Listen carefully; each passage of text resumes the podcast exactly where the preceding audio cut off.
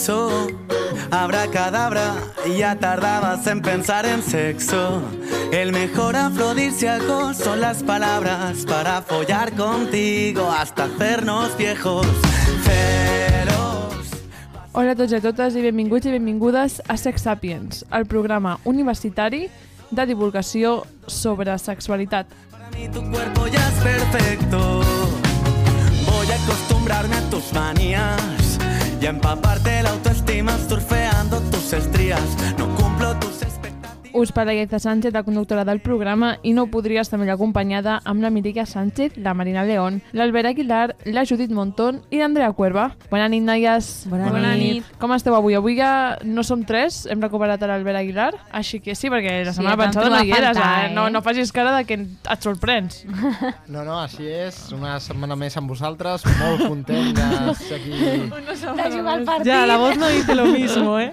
I res, amb moltes ganes de fer el programa d'avui, que em sembla molt interessant. Per cert. Sí, encara no direm de què és perquè abans de presentar, doncs, acabar aquesta presentació, he de dir que la que està al mando del control tècnic és l'Andrea Cuerva. Ja està, fent ja que tot està. pos- No, que vam Ja dir, està, ja ho està. vam tu parlar. Ja està. Ho vam parlar, que això s'ha de reconèixer, que els programes companys, barra referents, ho diuen. Ah, és veritat, és Andrea. veritat. Si estirant el parlar. xicle ho diu, nosaltres també, és veritat. Exacte, és veritat. o sigui- No ho diuen. Tirant el xicle és un exemple en què no ho Però fan referència sí, tota fan l'estona. referència. Clar, perquè és molt important el control tècnic, que és el que vam dir, Albert, que tu no estaves, espero que hagis escoltat el programa.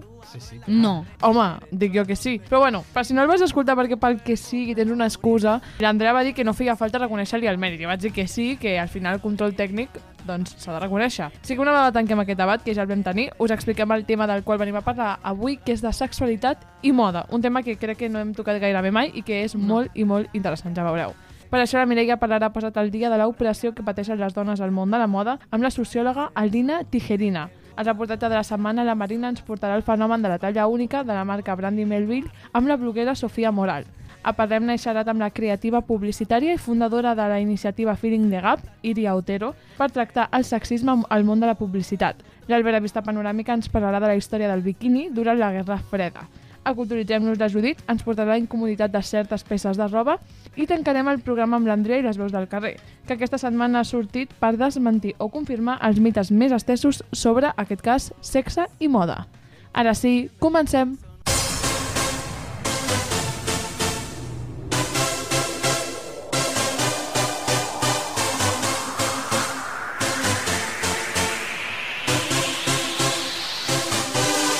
No sonríen más, se arregla toda. Si va a la discoteca.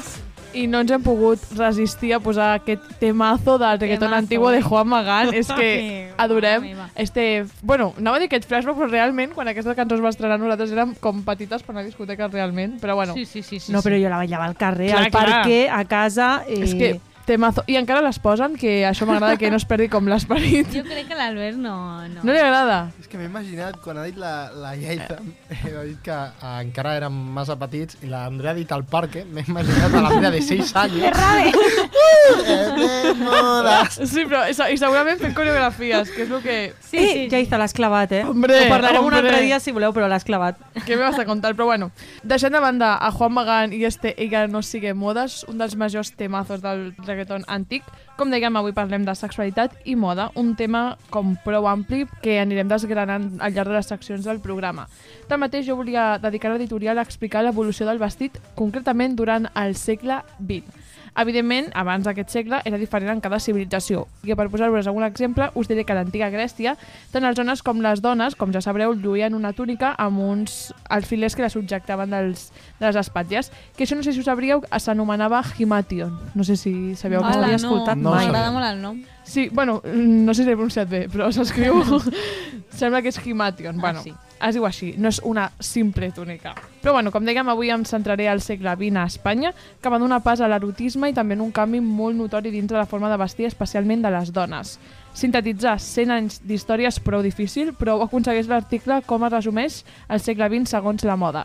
El segle comença fort i és que al 1900 apareix el corsé. Com ja sabem, és una peça de, de roba super incòmoda que es feia més que res pels canons de bellesa, els estàndards de l'època que es basaven en una figura de rellotge de sorra i això és el que volien aconseguir amb aquesta peça de roba. Això sí, evidentment amb els anys van evolucionant i fins i tot va haver-hi un moviment feminista que anava en compte d'aquests corsets com a símbol de l'opressió i s'ha anat adaptant fins que el, el que coneixem ara com el sostenidor. Durant la dècada dels anys 20 i fins als 40, els protagonistes essencials eren els vestits amb faldiques plissades o flapes, que també s'anomenaven. El centre de la moda, la capital, durant els anys era París, França, ciutat en la qual es fixaven per decidir els modelets, sobretot les actrius i persones més famoses de l'època. Els canvis com a tal comencen amb els anys 50, on Christian Dior defineix com la nova era. Tenint en compte que era la fi de la Segona Guerra Mundial, recordem que el conflicte va finalitzar l'any 1945, s'havia d'estalviar eh, molts diners amb el teixit però la revolució en majúscules arriba als 60 i, els, i les populars minifaldigues. Tot i que no se sap ben bé realment qui va ser l'autora la, de la invenció, es dubta una mica entre Marie Quant o André Couracres. Aquest fet va aixecar molta polèmica davant la mentalitat puritana de les hores, les, precisament les minifaldigues. I de fet, molts moviments, com ara el feminista, van abandonar-ho com a símbol de llibertat.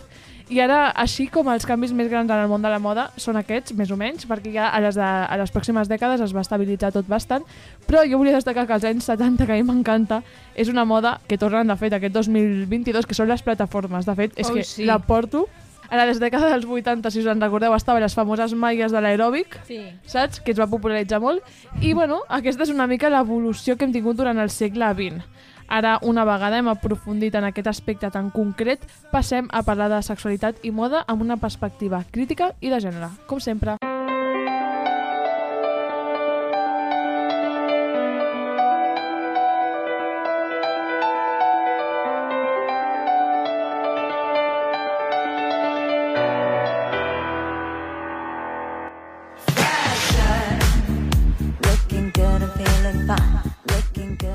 Avui a Posa't al dia parlem de moda i més concretament sobre com la moda s'ha convertit al llarg del temps en un element de repressió contra les dones.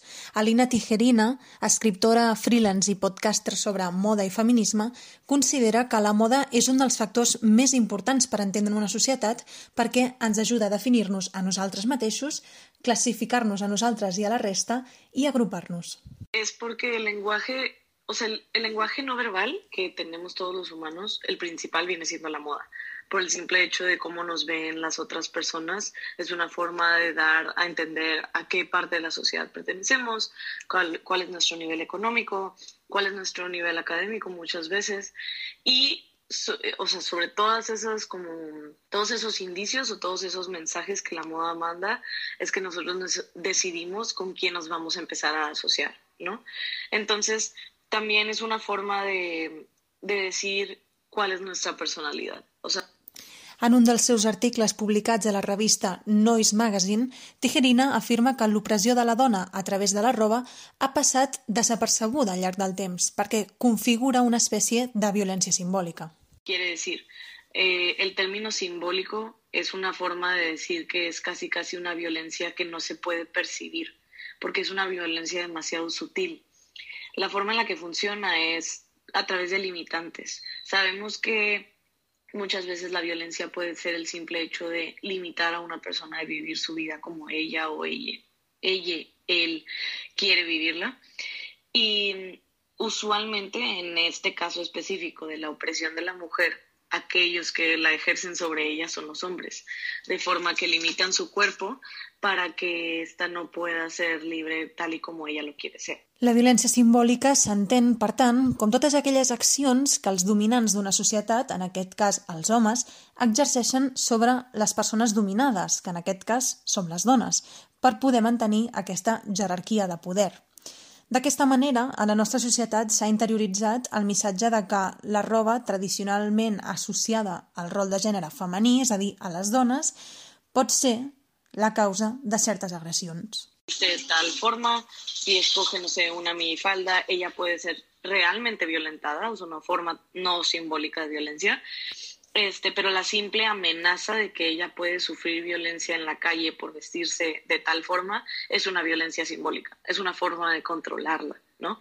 Entonces, puede, la violencia puede ser de, de, de cualquier parte, ¿no? También puede ser una, una violencia simbólica el que, no sé, a, una, a un hombre homosexual se le, se le esté amenazando en la calle por vestirse como mujer. O sea, eso también puede ser una violencia simbólica que se ejerce de, no sé, un hombre homosexual.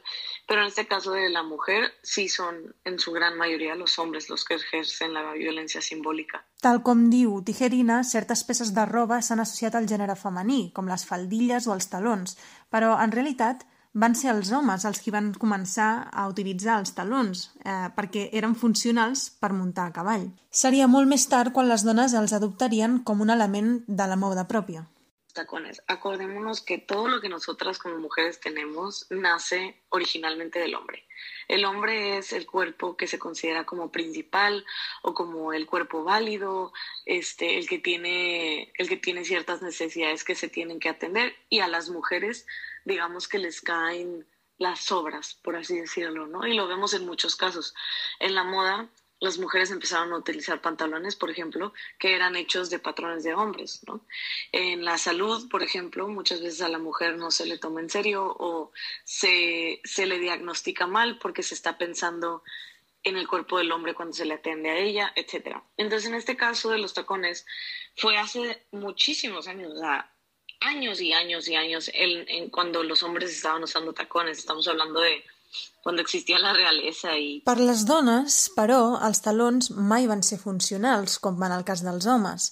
L'escriptora fins i tot considera que els talons són una petita màquina de tortura, que nosaltres utilitzem per veure'ns millor o per deleitar els homes, és a dir, per la male gaze, de la que parlem sempre. el tacón está hecho no para hacer cómoda a la mujer, sino para satisfacer el male gaze o la vista del hombre para que para él sea más placentero verlo, ¿no? De forma que los tacones hacen la pierna de la mujer más larga, la hacen más sensual y el hombre puede ser satisfecho de una forma sexual al verla. Entonces, esa es la opresión, el, el, el que la, la mujer, al usar el tacón, no esté cómoda y sea vista como objeto sexual. Per tant, en el cas dels homes, la, els talons serveixen d'una manera funcional, en el cas de les dones, és una eina de patiment. Uh, bé, Alina Tejerina considera que aquestes peces de roba i el fet de mostrar més o menys el nostre cos poden ser, al mateix temps, eines d'opressió, però també d'alliberament. Entonces sí puede ser liberador porque te estás yendo contra la sociedad que nos dicta que la mujer debe de ser este, pudorosa y debe de cubrir su cuerpo, etc. En, esa, en ese aspecto es liberador y porque el hecho de que una mujer tome la decisión de descubrir su cuerpo es una forma de rebelarse contra el hombre o contra la sociedad, ¿no? Entonces, pues obviamente es liberador, pero también es una forma de opresión porque es de nuevo una forma de satisfacer el male gaze. Es, es, de, es como convertirnos en un producto para que el hombre esté satisfecho y esté contento. Y eso obviamente es una forma de opresión a la mujer. ¿Por qué? Porque se puede llegar a, ejercer violencia sobre ella cuando ésta descubre su cuerpo. Aquesta doble perspectiva sobre la moda i l'opressió que suposa per les dones i l'alliberament ens recorda una mica això de que si ens tapem, per què ens tapem? Si ens estapem, per què ens estapem, no? Que sembla, ens fa sentir com que mai està bé, mai és suficient, sempre farem alguna cosa malament. Doncs, bueno, per descomptat, això no vol dir que ens haguem de vestir més o menys tapades, però el que volíem amb aquesta secció, i espero que ho haguem aconseguit, és que ens ajudi a prendre consciència de l'opressió que històricament s'ha exercit i es segueix exercint sobre el cos de la dona. Because you know I'm all about that bass, about that bass, no trouble. I'm all about that bass, about that bass, no trouble. I'm all about that bass, about that bass, no trouble. I'm all about that bass, about that bass, bass, bass, bass. Yeah, it's pretty clear. I ain't no size. Doncs després de repassar una mica l'opressió que pateix la dona dins del món de la moda, passarem a un cas pràctic amb la Marina León, que ens introduirà el cas de la marca... Bueno, digue-la tu, que jo Sí, encara no la pronuncio introduiré la investigació que va fer la revista estatunidenca Insider sobre la marca Brandy Melville i després us portaré un testimoni perquè us expliqui una mica la seva experiència amb aquesta marca. Però bueno, primer us vull preguntar una mica. Per què creieu que parlarem de Brandy Melville? Per què creieu que la investiguen? Què passa amb aquesta marca? Jo crec... Mm, és que, clar, tampoc. És que fan una cosa que a mi no m'agrada gaire, que són aquestes botigues que tenen talla única. Sí. Ah. Llavors no sé si aniran per aquí els trets. Sí, a mi és sí. algú... Sí, van per aquí. Perquè és una talla única també, no és la Ah, convencional. exacte, no Sí. és una talla XL, no. Doncs bàsicament perquè la marca només ven talles úniques enfocades a un target molt concret, que són adolescents roses, blanques i primes. I tan concret. Perquè és de SXS més o menys, Sí, és una sí, sí, talla com totalment. molt, molt petiteta. I així ho publica el suplement de moda El País, S Moda, basant-se en la investigació que us he comentat abans de la revista Insider. Brandy Melville és una cadena de botigues de roba italiana que aposta per un estil californià. Kate Porter és la periodista que va investigar per la revista estadounidenca Insider a través del testimoni de 32 treballadores i extreballadores que la van portar a afirmar que el masclisme pel qual es mouen els directius de la marca és evident. La periodista va descobrir un perfil molt homogeni de les dones que treballen a Brandy Melville. Per treballar a les botigues has de presentar una foto de cos sencer, que ja no només de cara, eh, que de cara ja ens ho qüestionem, però és que de cos sencer, com afirmen des de la revista Esa Moda, què condiciona que siguis contractada o no? Només ho són les dones aparentment atractives pels homes que contracten, que són dones primes i blanques. Pels eh? homes que contracten. Sí, Clar, són clar. homes que contracten, sí, sí. Ah, o sigui, ah, vale, això no ho havia entès. O sigui, la Junta so- està formada per homes. Sí, per homes, perquè després ho explicaré una mica què passa amb aquestes polítiques i qui les fa, que són Vale. homes. Luca Retondo, l'exvicepresident sènior de la marca, declara per Insider que Stephen Marsan, el CEO, va ser l'encarregat d'elaborar aquest tipus de polítiques masclistes i discriminatòries per raó de gènere, per raó de, també d'ètnia. Polítiques que van molt més enllà d'entrevistes en què només es valora el físic i l'ètnia de les adolescents que volen treballar a Brandy Melville. A Insider expliquen que a una botiga de Nova York, homes al voltant de 30 anys liderats per Stephen Marsan, el CEO, es col·locaven a una àrea privada per sobre de la botiga en què veien a les clientes comprar i passejar. Quan els agradava alguna noia, recordem que el target de la botiga són adolescents, encenien un llum a la caixa i la caixera ho veia. La senyalaven la noia que era i la caixera havia d'anar a demanar-li una foto de cos sencer i el seu contacte Però- perquè treballés a la botiga. Però, això és legal? eh, Una cosa, primer i segon, coherent, desor... eh, em sembla desorbitat, eh? I és que és espiar, o sigui... És, exacte, és que jo no sé fins quin punt això està... estan fixant-se en el cos d'adolescents perquè és el target de la marca, valorant unes qüestions increïblement eh, eh, masclistes i, i bueno, això, discriminatòries i que jo crec que al bord de cometre, o, o, bueno, crec que segurament serà un delicte, però és que... Jo crec que és un delicte. Sí, sí, sí. Ja. A la investigació s'aporten també captures de converses en què el CEO diu que la botiga només contractava ties de merda quan li van enviar la foto d'una noia per possiblement contractar-la, però no li va agradar. I va dir, és que només contracteu ties de merda. Ma sí, menospreciant el seu físic, clar. Sí. El sou també variava segons el nivell d'atractiu de les dones, segons la valoració d'aquests homes, i les dones negres normalment s'encarregaven de les tasques que no comportaven un contacte directe amb les clientes, o sigui, del magatzem, per exemple. Però en quin moment algú Todo pensa que si ets més prima cobraràs més? Vull dir, la feina és la mateixa, saps? Doncs- No, no, no. Ells, si ets més atractiva, súbale el sueldo. És que és molt... Més sigui, entre cometes, òbviament. En fin. En principi, Brandy Melville fa front a diverses denúncies de propietaris de franquícies canadenques que els van fer fora per no voler seguir les normes de contractació de l'empresa. Lògicament, Clar. l'altra part. I bueno, jo us volia presentar el cas del govern de Catalunya, perquè encara no tenim confirmació, però mm, moltes dades apunten a que investigaran aquesta marca. Per què? Perquè el govern de Catalunya declarava fa només uns dies que investigaria una multinacional de moda que opera a Catalunya i que només ven talles petites, de la S a la XS. Després de rebre una denúncia per discriminació física a través del formulari web que el Departament d'Igualtat i Feminismes té a disposició de la ciutadania. Això ho expliquen des de l'agència EFE. Té tota la... pi- Bueno, és que clar, tampoc... Ara potser surt una altra botiga i no... Clar. perquè això ho Però desconeixia. també estarà bé, si ho Sí, investiguen i exacte, és una altra clar, botiga, clar. també estarà genial Sí, i serà sí, una 100%. passa endavant per investigar també aquesta. O sigui 100%. que Brandy Melville no només discrimina les dones que volen treballar a la marca i potser no encaixen en l'estàndard de bellesa que ells defensen, sinó que també discriminen a les adolescents que volen comprar roba de la marca i que no encaixen en l'estàndard de cos prim. Perquè poseu veu a una de les tantes adolescents i joves que s'han sentit discriminades per no poder portar una samarreta, un top o un pantaló de Brandy Melville, he parlat amb la Sofia, que és feminista, fashion blogger i activista del moviment Body Positive i, a més, la fundadora del blog de moda Sophisticated Me.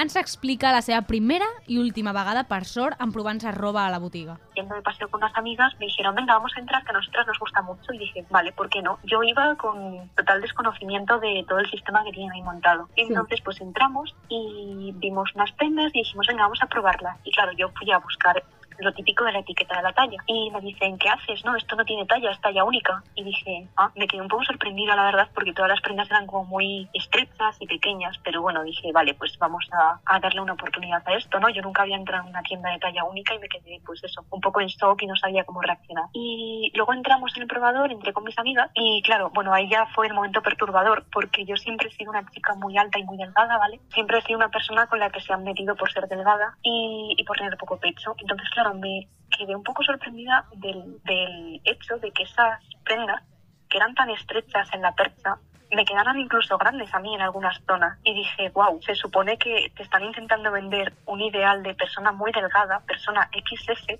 y ni siquiera yo que soy XS en otras tiendas puedo decir que estas prendas me quedan bien del todo. A diferència de la Sofia, les seves amigues no van adonar-se del perill que suposa aquesta talla única. ahí vi que había un poco de problema y más cuando mis amigas me empezaron a decir hijo qué suerte que tú sí que cabes en estos pantalones porque ellas a lo mejor no entraban y yo como ya pero creo que aquí hay un problema y que esto no está bien porque ya te digo o sea ni siquiera a mí me quedaban bien del todo algunas prendas. Un dels problemes més greus per la Sofia, i coincideixo amb ella, és que potser un adolescent no és capaç, perquè no té el nivell de conscienciació que tenim nosaltres, d'entendre que no encaixar amb les talles de Brandy Melville és normal i que no hi ha cap, no ha de ser cap objectiu a assolir fer-ho. tampoco he llevado a muchas más amigas a estas tiendas porque no, no comparto la estrategia marketing que siguen, pero, pero sí es verdad que a ellas les gusta mucho y me sorprende ver la cantidad de seguidores jóvenes que tienen en redes sociales, porque al final se, se dirigen a, a un segmento de la población muy joven y creo que a pesar de que todo esto sea una estrategia de marketing, creo que con todo el tema de la responsabilidad social corporativa que está surgiendo ahora en las empresas, pues deberían de darse cuenta de que, jolín, si te estás dirigiendo a un público joven, intenta ser un poquito más consciente de- del tipo de mensaje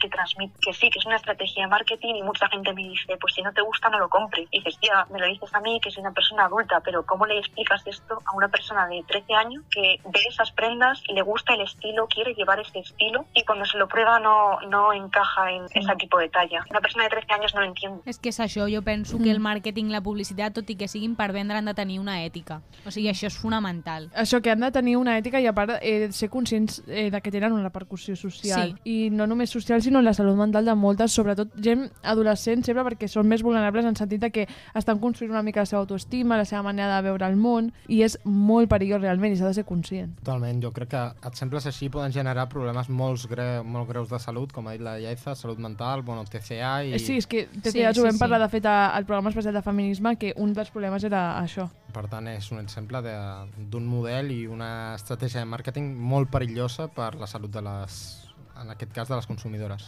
És que tenen dos components molt perillosos aquestes, el target de, de Brandy Melville, que és que són adolescents i són noies. Són, són dos components molt, molt Sí. que afecten molt per patir o no TCA. Clar, no, que ja la, la societat prou les oprimeix, Clar, sí. com perquè a sobre hi hagi botigues que promoguin aquest estil. No sé si t'he tallat, Andrea. No, no, no, que va. Però estava pensant que hem començat la secció parlant de que pues, tenen una talla única, tal, que és molt estreta, i és que al final és anecdòtic. O sigui, és molt greu que tinguin una talla única i tal, però la quantitat d'il·legalitat, jo penso, que fan dins d'aquesta empresa, crec que és Sí. molt més significativa al final que que tinguin talla única o Sí. que també és important, eh? Però, hosti, és que no, no en tenia ni idea de tot això. A banda de tot això, no, no ho he comentat, però una antiga mànager d'una botiga del barri de Soho, de Nova York, afirmava el 2015 que un propietari de, de diverses franquícies de la ciutat eh, la va agredir sexualment. O sigui, és que el prototip Veus? d'homes que treballen i dirigeixen aquesta marca i aquestes botigues, ojo, perquè és molt perillós. Clar, és que també amb un comportament molt masclista, molt misògin, grups sexista... de WhatsApp amb comentaris també Sí. eh, fent moltes bromes sobre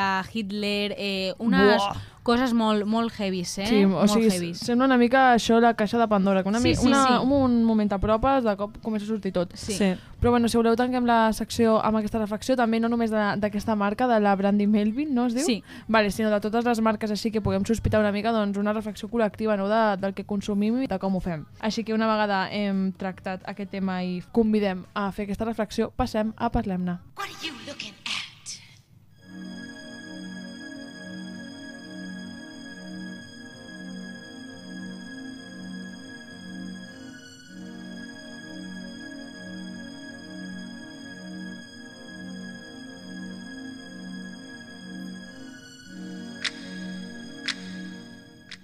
Avui parlem-ne entrevistat a la Iria Otero, que és creativa publicitària.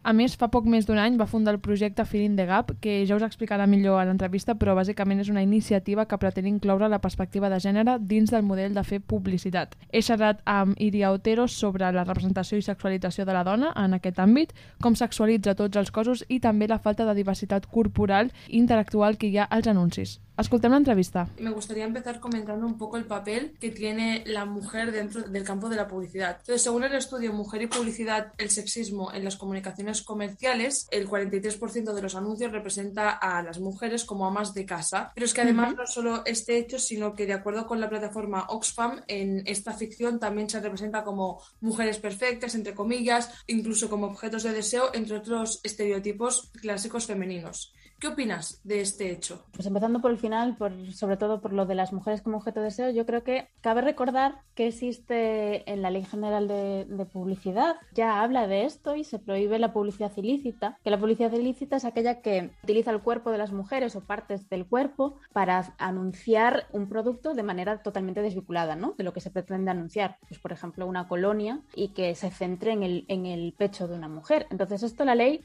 lo prohíbe. ¿Y por qué sigue pasando? Pues eso es una pregunta súper interesante. Yo creo que pasa menos que hace 10 años, seguramente, pero sigue, sigue pasando. Y lo que tengo la impresión es de que ahora estamos ante un problema quizá más grande porque sí que igual a nuestros ojos es más fácil identificar lo que era esta publicidad o lo que es esta publicidad sexista que utiliza los cuerpos como objetos, igual sí que ya nos llama más y hay un poco de consenso, aunque sigue pasando. Pero hay otra publi que es la violencia simbólica, que es todavía más peligrosa. Un poco lo que decías tú de que hay anuncios en los que la mayoría aparecen las mujeres como, como amas de casa. Eso es más peligroso porque es violencia invisible, es, es implícita, son los estereotipos. ¿Y cómo erradicarla?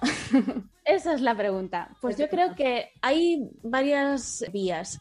Por un lado, es evidente que hay una falta de formación profesional. Hace 14 años que llevo trabajando en publicidad y desde estos 14 años, y ahí un poco responsabilidad mía y, y en eso estoy, pero en la carrera no he recibido ninguna formación en perspectiva de género. Si no hay esa formación entre los profesionales, difícilmente vamos a paliar esto. Y luego también creo que falla autocontrol, que es el organismo que tenemos un poco para controlar estos casos. Es curioso que el jurado de la publicidad, que es el encargado también de, de identificar esta publicidad ilícita cuando hay demandas y demás, pues tampoco tiene capacitación obligatoria en perspectiva de género. Y luego hay un tema muy interesante que lo descubrí hace poco de Isabel Menéndez, una profesora de universidad, que pone el foco en la frecuencia, que es un poco lo que tú decías, ¿no? Que el 43% de los anuncios representa a las mujeres como mamás de casa. La, la, definición de publicidad ilícita permite que haya de publicidad protagonizados por mujeres para anunciar productos de limpieza. Eso en sí no está mal. El problema es cuando el 80%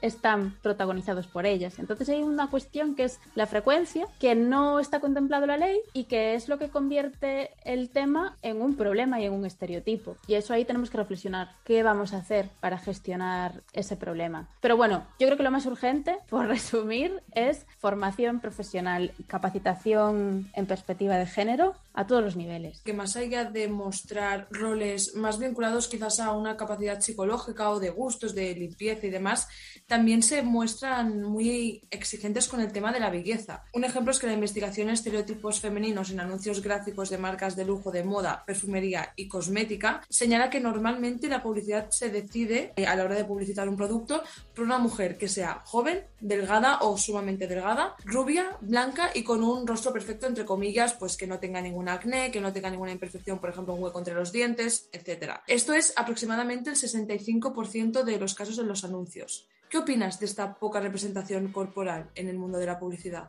Me parece un dato que ese justamente no lo, no lo conocía y me parece brutal, aunque sí que lo imaginaba porque la, la, sensación es que sí, que hay una presión sobre un único canon de belleza y de cuerpo brutal sobre, sobre las mujeres. Entonces, ¿qué opino? Pues que falta muchísima diversidad y que esto además tenemos que ser conscientes como profesionales de la comunicación, ahora que se habla tanto del impacto, del impacto social que esto genera en las mujeres y también en las niñas y en las adolescentes, ¿no? Que al final es frustración y es autorrechazo de nuestros cuerpos y yo soy la primera que digo a mí, y eso que soy publicitaria, me considero que, que me ha afectado todo esto a lo largo de mi vida. Y ahora ahora con las redes sociales me imagino que todavía, aparte de, que, de lo que hablábamos antes de capacitación y de que la ley contemple otro tipo de cosas para proteger más y que impulse la diversidad, creo que tenemos que empezar a cuestionarnos el modelo de publicidad que hacemos. O sea, seguimos en un modelo aspiracional, en el sentido de anuncios en los que representan el modelo de mujer que queremos ser, con esa belleza que decías, canónica, blanca, no sé qué, no sé cuánto. Y que tenemos que virar hacia el modelo identificativo representativo, que es el de que yo me identifico con estos anuncios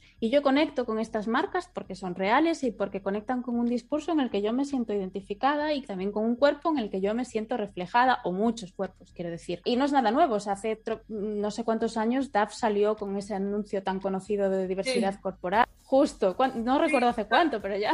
Pues yo lo recuerdo, con lo cual no debe de ser hace mucho, quizá unos cinco años o no sé si... Hay algunas voces discordantes en el sector que dicen que irse a este modelo representativo es como acabar con la creatividad, porque entonces es como todo hiperreal. Pero no estoy nada de acuerdo, o sea, creo que se pueden hacer discursos muy creativos y al mismo tiempo que reflejen la realidad. Y además creo que es muy bueno para las marcas, porque si tú como anuncio de cosmética o de crema me vendes un modelo de mujer as- aspiracional que yo a corto o medio plazo me voy a dar cuenta de que no puedo y me va a generar una frustración, no voy a conectar contigo como marca. Sin embargo, si me lo das desde un discurso real, pues igual podemos tener una relación más a largo plazo, duradera. Hasta ahora hemos estado hablando de los estereotipos femeninos que, bueno, Mm. son, es verdad, muy notorios dentro del mundo de la publicidad y en general en todos los ámbitos sociales, pero también me gustaría comentar que está claro que estos estereotipos también afectan de diferente forma a los cuerpos masculinos.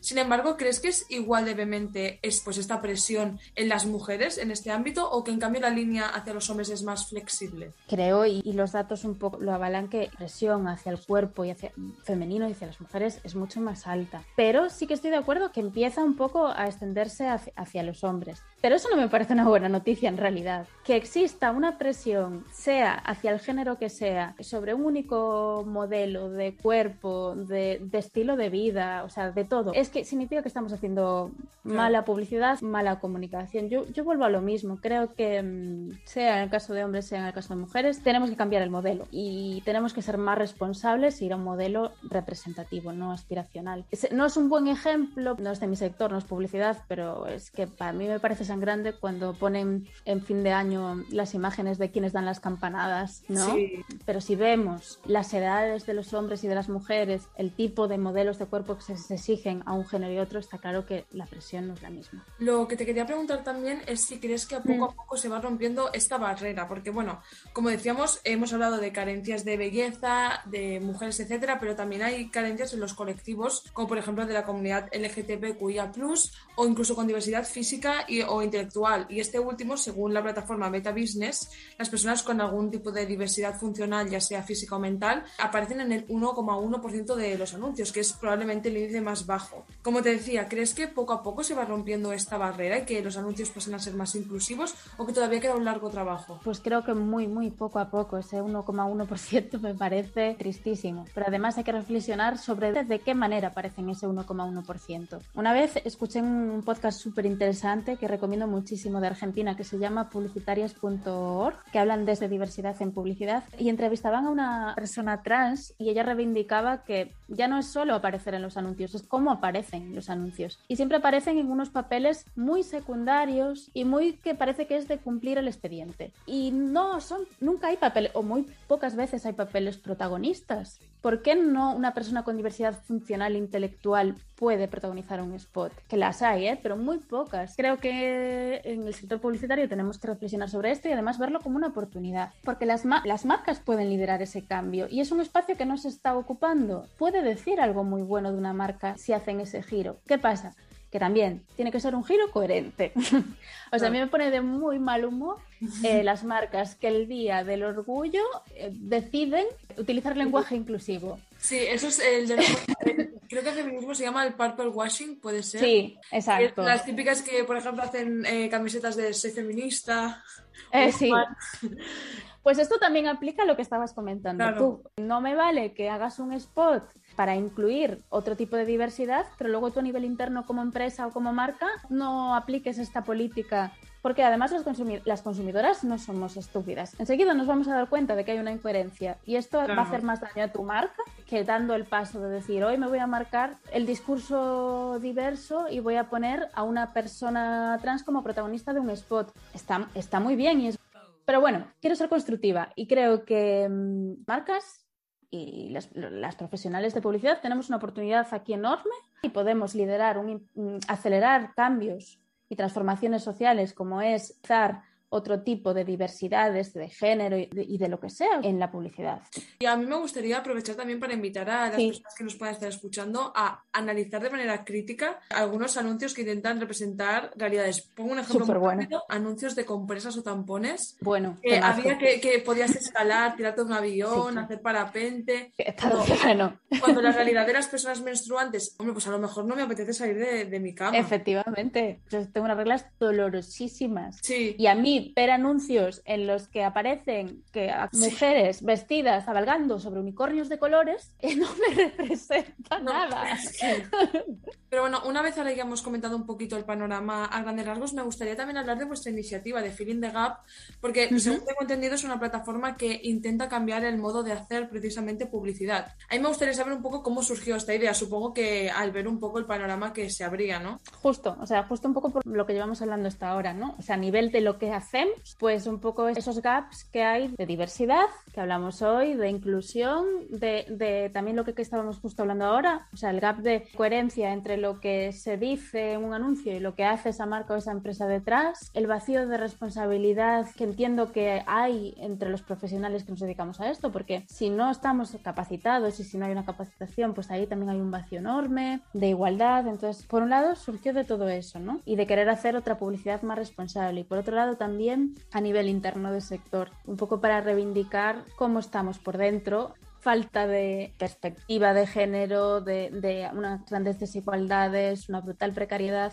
Un poco nació con esa doble dirección, ¿no? De visibilizar vacíos en lo que hacemos y en cómo estamos por dentro. Y con la idea de abrir debate, de romper el silencio, porque hay muchas cosas que están silenciadas, salir de la queja e intentar promover el cambio. ¿Y qué acogida ha tenido de momento vuestra propuesta en el sector? Pues yo creo que es todavía muy pronto para saberlo porque, porque está empezado noviembre del año pasado, pero sí que es verdad que bueno, que me ha escrito así bastante gente por privado, conecta mucho con el mensaje, con ganas de hacer cosas para cambiarlo y que ha despertado cosas bonitas como esta y que estemos teniendo este momento y, y poder tener la oportunidad para hablar, de empezar ya a ver reuniones entre algunas profesionales del sector para ver si surgen redes de acción, de acción para, para cambiar estas cosas, que me parece lo más interesante, porque si al Claro. final simplemente abrimos, pero no hacemos nada por forzar el cambio, ojalá cuajen, porque realmente de lo que tengo ganas es de poder hacer cosas para cambiar cosas. Pues nada, esta ha sido un poco toda la entrevista. La verdad es que para mí ha sido un placer poder hablar contigo de este tema y tenerte aquí con nosotras. Así que muchísimas gracias por acceder a hacer la entrevista y, y por dedicarnos pues un ratito. Muchísimas gracias a vosotras por el espacio, por las preguntas tan interesantes y, po- y, y por este proyecto. Bueno, m'ha semblat una entrevista molt interessant i molt necessària Sí. al tema de la publicitat feminista. I genial, la Iria Otero supermaca Sí. i supermal professional. I a més té un compte, perquè ho he estat aquí mirant mentre escoltàvem la- l'entrevista, que es diu Feeling eh, guió baix de Gap, i fica dades super interessants, com per exemple que el 75%, mm, una mica més, del 75% dels anuncis de productes de neteja els protagonitzen dones. Sí. El 78% de cosmètica i de moda també, o sigui, és que la publicitat realment Sí, sí, sí, és un perjudica molt el nostre imaginari. Crec que Sí. és molt necessari una publicitat feminista. Sí, que és una eina de, de posar gasoil, que això és un tema delicat, als estereotips, amb la qual M'encanta. Doncs amb aquesta recomanació... Bueno, no recomanació, o sigui, realment és molt, molt xulo el seu compte, que, eh, com us ha dit la Marina, tanquem, parlem-ne i passem a vista panoràmica. If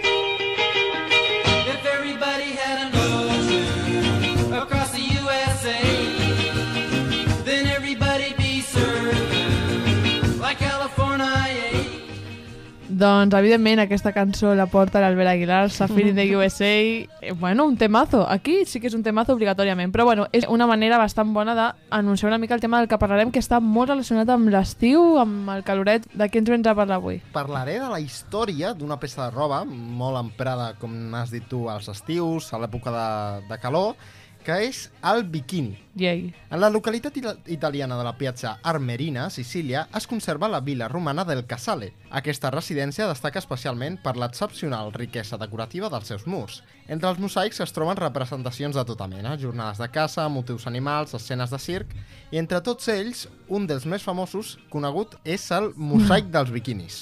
Es creu que aquestes, juntament amb altres representacions gregues, podrien ser les primeres mostres d'allò més semblant que avui coneixem com a biquini. Una peça de vestir composta de dues peces de roba que deixava al descobert les espatlles, l'abdomen i les cames que en l'antiguitat s'usava principalment per practicar activitats atlètiques. No obstant això, amb l'adveniment del cristianisme i la seva moral sobre la llibertat i el cos de la dona, aquesta peça va caure en desús i posant-se models estilístics que cobrien pràcticament tota la pell a nivell femení. Quina opinió teniu del biquini vosaltres? L'heu portat? us agrada? No? Si som pro o pro biquini. A veure, jo sempre porto banyador, la veritat. Mm, No porto gairebé mai un biquini. Jo normalment, clar, biquini, però no porto la part de dalt normalment. Vale. Jo sóc team bikini, però he de dir que és que està com començant una corrent de persones que es posen un biquini extremadament petit. Es ven moltíssim a plataformes com el Shein i coses Sí, així. sí. Extremadament estret, extremadament... És que és minúscul. És Sí. que tapa lo just. Era el Llavors, estic en gràcies. contra d'aquest tipus de biquini. Jo, bueno, mai m'he plantejat. Vull dir, sempre he sigut team banyador. De fet, l'únic biquini que me'l vaig comprar l'estiu passat, però era com el primer biquini que em comprava a la història, que la noia que em va ajudar va flipar, va dir, en sèrio? Jo sí, sí, sempre he portat banyador. No sé, estic més còmode. Ala, és que els banyadors són molt guais, eh? A mi m'agrada Sí. molt, però no m'agrada després la marca. Clar, és que jo com sóc blanca i em cremo sempre, pues Clar, no tinc aquest problema. Per això crec que m'agraden els banyadors. Als anys 30 i 40 van arribar amb grans avenços, a més de la incorporació de nous materials com el nylon o el làtex que contribuïen a una major comoditat quan es mullaven, van començar a quedar al descobert les espatlles i en algunes ocasions també gran part de l'abdomen. Així tot, mai havia de mostrar-se el malic. El codi Hayes, que imposava el que es podia exhibir i el que no en les pel·lícules estadounidenques de Hollywood, així ho indicava. El món del disseny del vestit de bany femení va experimentar el major canvi en 1946. Primer va ser Jacques Heim qui va llançar un model de dues peces que deixava al descobert l'abdomen, però que continuava cobrint el malic. El va batejar com a Atom. I per què creieu que el va anomenar d'aquesta forma? Atom? No sé. Atom. No tinc ni idea, jo. Jo és que, Està perdó. molt relacionat amb l'última intervenció de l'Andrea. Ostres. Ah, que és minúscul. No ho entès, que no és minúscul. Ah, Exacte, perquè els pel àtoms seu són tamany. N- Ah. Exacte, perquè és la peça de roba més petita, la peça de roba de bany més petita, el biquini. Ah, vale. I l'àtom Vale, ja és entès. molt, molt petit. Bueno, era una Jo és que- petita curiositat, però que estava molt relacionada precisament Cert, amb, la, amb la nova moda que hi de que cada cop els biquinis són Sí. més i més petits, no? Exacte. Poc després, Louis Renard, un enginyer mecànic que regentava el negoci de llançaria femenina de la seva mare, va presentar el primer vestit de bany que sí s'atrevia a mostrar al malic. No va ser fàcil pel dissenyador trobar una dona que volgués servir-li com a model, perquè totes temien la reacció de l'opinió pública, qui ho consideraria com una cosa vulgar. No obstant això, el 5 de juliol de 1946, Michelle Bernardini, una ballarina del Casino de París, va lluir el primer biquini públic de la història. Si bé existeixen diferents versions quant a l'origen del nom, amb dues coincidències han assenyalat un puc geogràfic com a inspiració. En 1946 tan sols feia un any del final de la Segona Guerra Mundial, però el SEUA, els Estats Units i la URSS estaven preparats per iniciar un nou conflicte, la Guerra Freda, com ja sabeu. Mhm. En aquest context, s'havien dut a terme diverses detonacions de manera de prova d'una bomba nuclear d'hidrogen en bikini, un atoló de les Illes Marshall en l'oceà Pacífic. Es creu que Ghana podia haver dit que la seva creació es diria bikini perquè seria explosiva o bé que s'havia inspirat en la nuesa que s'havia sembrat en la vegetació submarina de l'atoló. Ui. Jo No em sé si- quedo amb la primera, m'agrada molt com aquest joc de paraules. No sé si coneixeu aquest, Explosiva. aquest origen del mot bikini o us ha semblat una mica Joder, curiós? condenat. Molt curiós. Jo no en tenia ni idea tampoc, eh, Albert? A part- Ens portes unes coses. Sí, sí. A tu t'agrada, eh, Jaiza, el joc de paraules, no? Sí, en plan, L'explosivitat explosió. que podia crear. Sí. Doncs mira, a mi m'havia agra- agradat més l'altre, el A tema mi també, de, claro. Per allà a la contrària. de, de l'explosivitat i el, el fons submarí, la destrucció que havia creat, no sé. Sí, m'ha semblat curiós. Malgrat l'entusiasme que va suscitar la nova creació, les reticències morals van ser fortes i durant els anys 40 el seu ús no va aconseguir popularitzar-se. No va ser fins al principis dels anys 50 quan aquesta peça de bany es va convertir en imprescindible. L'aparició d'actrius amb un biquini va ser crucial. Brigitte Bardot a l'Europa de 1953 i Ava Gardner, Marilyn Monroe, Elizabeth Taylor, entre altres a Hollywood, van ser fotografiades lluint el vestit de bany de dues peces que deixava el malic al descobert. En els anys 60 el biquini ja era una peça totalment popular i accessible per tota mena de dones, les qui, progressivament i al llarg de les següents dècades, ho van integrar al seu vestuari, un lloc del qual des de llavors no ha desaparegut. No, no, ja, ja s'ha quedat, de fet. déu nhi no? Quina història curiosa. A mi m'ha semblat molt curiosa aquesta història de, del biquini. Sí. Primer us he parlat d'uns mosaics a Itàlia, mosaics romans, després he anat també a Grècia, després la Guerra Freda. déu nhi veure- com una peça de roba... Sí, sí, jo no pensava que tenia tanta història. Home, al final, en ser més reveladora del cos, Clar. sí que al final sempre penses que teníeu, estava relacionada amb l'operació. Però clar, és que de fet, banyar-se amb més roba, jo sempre he pensat que hauria de ser molt incòmode. Suposo que sí. I sobretot amb, que, bueno, de fet vas parlar tu amb la introducció del làtex i tal, però imagina't tu banyar-te amb tela. Ja, amb uns ja. pantalons... Sí, en plan, tota la campana, no sé. Ja. Però bueno, amb aquest repàs de la història del biquini tanquem la secció de vista panoràmica i passem al món audiovisual amb Culturitzem-nos. Not your Barbie girl. I'm living in my own world. I am plastic. Call me classic. You can't touch me there. You can't touch my body unless I say so. Ain't your Barbie, no. Amb aquest remake de la cançó de Barbie Girl, que és, doncs, té una perspectiva bastant més feminista que la cançó, que bueno, és bastant antiga, així que ho disculparem cap allà. La Judit, per motius laborals, com sempre, no, ha, no està aquí, però tampoc ha pogut deixar-nos la gravada a la però no passaré perquè sí que l'ha deixat ben preparada, així que la intentaré locutar jo, espero que ja li agradi i li mano un petó. Així que de, el que ens ha portat la Judit és la moda al món audiovisual i parlarà de diferents temes. Vale? Jo tot això sóc un simple altaveu del contingut que ha fet la Judit, així que imaginem-vos la Judit a través de les meves paraules, d'acord? Com molt bé ha recalcat, el món de la moda és complex i sovint bastant tòxic, com hem parlat també amb la Marina. No només per la competitivitat i el consumisme del fast fashion, sinó també per la poca sostenibilitat que caracteritza el sector. A més, les produccions audiovisuals reforcen tots els estereotips negatius de la mateixa moda. El primer tema que us volia portar a la Judit és les principals redactores eh, de moda, que són cruels. És el cas de, per exemple, Meryl Streep en El Diablo Viste de Prada, eh, una pel·lícula que a mi m'encantava, però que sí que cal mirar-la amb lupa perquè jo sí, Sí. que crec que està vista des d'una crítica, però que si no te la interpretes com a tal té missatges una miqueta tòxics. O també el personatge de la directora de l'agència de màrqueting a la sèrie Emily en París. Sí. Jo aquesta no l'he vist. És una dona que no pot suportar que hi hagi una altra dona potent a l'empresa, bàsicament. Mm, pues sí, sí, sí, sí, totalment. No, no, és, un, no és una persona que s'aspiri a ser. Segons ha Judit, The Bold Type és l'única producció audiovisual que ella ha vist que mostra una cara amable dins de les redaccions de moda. M'encanta, o sigui, m'encanta. Sí? la Bold Bueno, Marina, està superint. Sí, De què sí. va? És d'una revista de moda i explica la història de tres amigues que treballen a la mateixa però en diferents sectors de la Ah, revista. està a Netflix, Però és molt moderna, eh? O sigui, és una revista que agafen la roba que utilitzen per fer fotos a models o, o persones que apareixen a la revista per anar elles de copes. O sigui, és una cosa fantàstica, Ja fantàstica dels Estats Units. Ja te digo.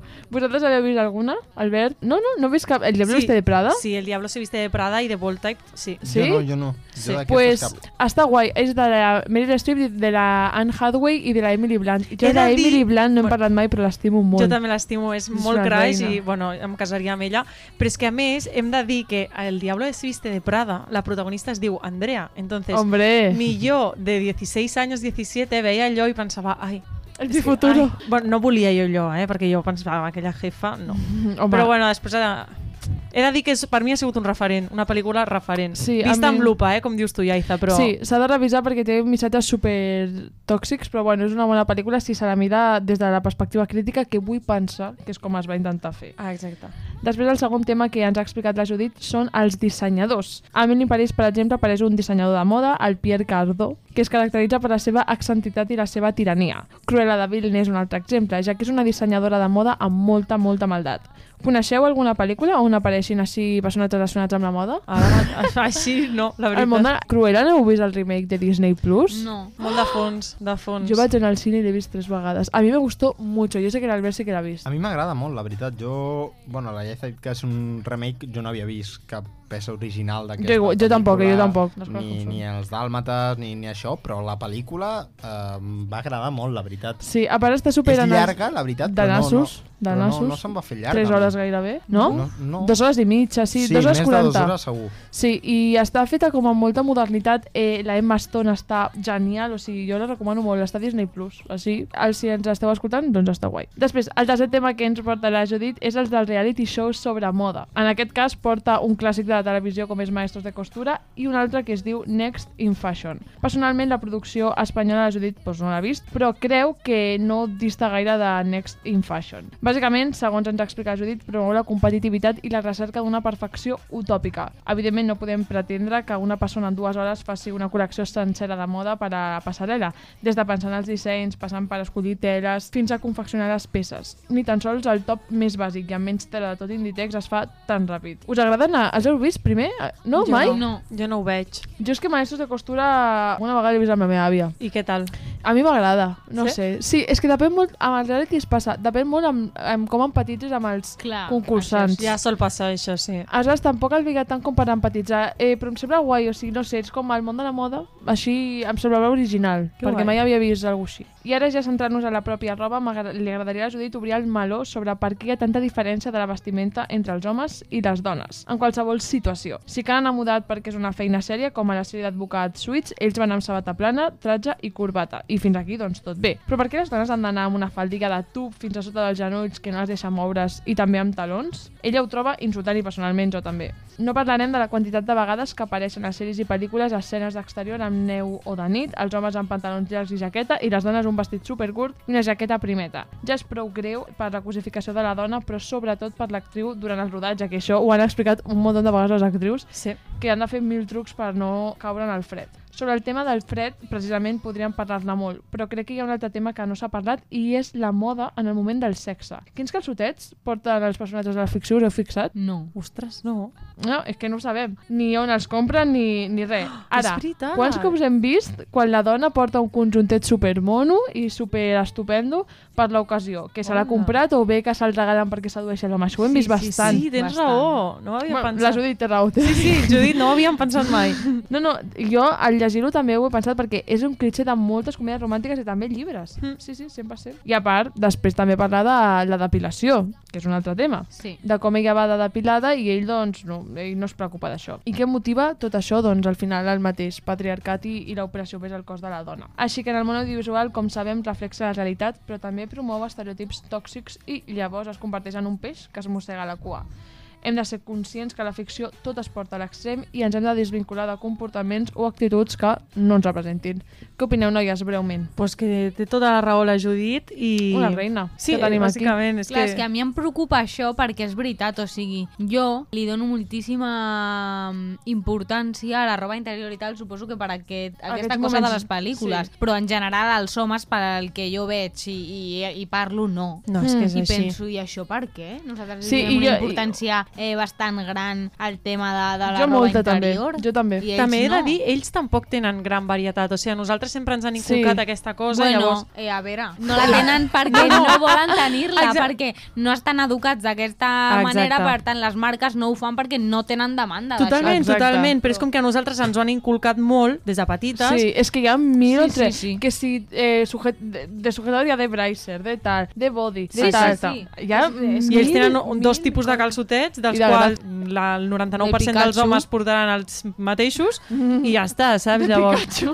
es que claro. Sí, per Pikachu i Cars crec que són el... Ojalá, Pikachu, qué gracioso. Que no vas ficar un de Calvin No, és que Klein m'ha i Ojalá, que yo posen- roba interior de Pikachu, volia Ah, dir. ahí sí. Ojalá de Pichi Pichi Pich, saps? En plan un sostenidor. Aquí sí, Ui, sí. Que bonito. Sí, jo tinc unes calces. Jo no tinc, jo no, pel patriarcat opressor només tinc coses així, no mones, però molt basiquetes. Clar, exacte. En plan, bueno, tampoc me pondré aquí a detallar mi ropa interior, aquí Ja, ja. penso, que tenim micros, però no, no I tinc. a més és cara, eh? O sigui, això també, eh? Que o sí, sigui, és cara? És molt Que cara, sí. eh? Jo quan sempre veig, saps les típiques escenes eròtiques en la que les rompe la ropa interior? No, me no, lo no, cargo. no. Digo, Sí. mira, No, no. mm, 30 euros. S'ha acabat me aquí, s'ha acabat aquí. és que te reviento. No, no, en sèrio, que és caríssim, em sembla fatal. Però bueno, amb aquesta reflexió tanquem el que utilitzem la Judit, li manem un petó enorme i passem a les veus del carrer amb l'Andrea Cuerva. Estoy brillando con highlighter, no lo ves. Un clavel en mi melena, no lo ves. Subí 15 stories, no lo ves. Mira que quiero ser. Temazos, eh? Jo sol- només porto canelita. Exacte, i és que hi ha un programa que comença a mi que no sigui modes, ja saps que només pot anar bé a qüestió musical.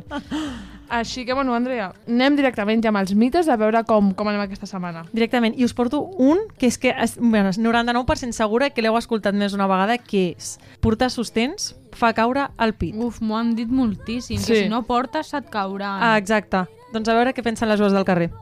Fals.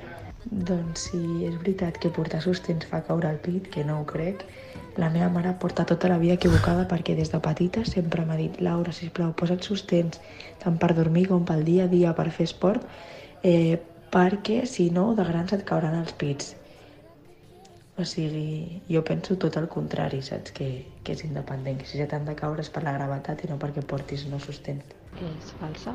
Què en és penseu? que, és Jo que penso sí, que no eh? depèn dels... És que aquí hi ha Jo- jo dues variants. jo Hi ha la que gent que et diu Sí. posa't sostens perquè si no et cauran per la gravetat i hi ha una altra variant que hi ha gent que diu no et posis sostens perquè si et poses sostens el pit s'acostuma a estar i llavors et cauen. Vale, a mi sempre m'havien dit la primera, de que si no et poses sostens et cau el pit. Sobretot fent esport perquè reboten molt. És Clar, fent la... esport bueno, reboten si perquè tens, fa mal, que, no? que no Jo m'hi caso. Exacte.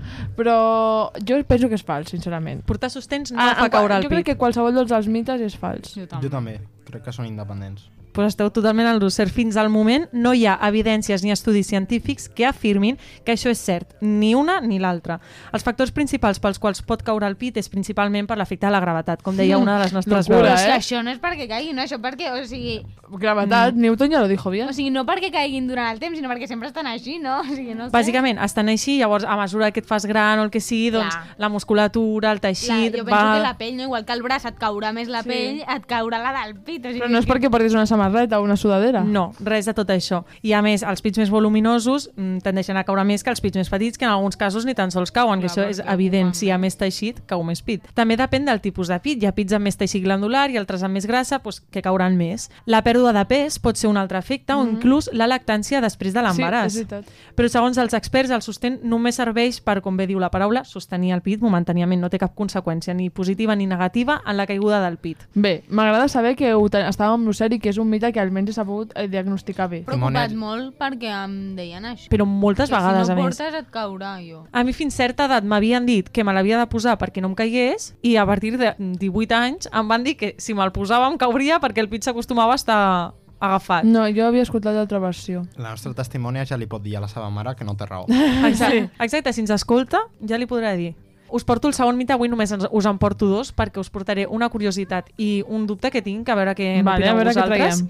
El mite que us porto és que la roba interior masculina ajustada pot afectar a la qualitat de l'esperma. A veure què en pensen les veus del carrer. Cert. Doncs la veritat és que no ho havia escoltat en la vida. Sí que sé que, per exemple, els tangues eh, i, i roba interior apretada per dones eh, fan que s'irriti més la zona, que estigui més sensible, però dels homes no havia escoltat mai res.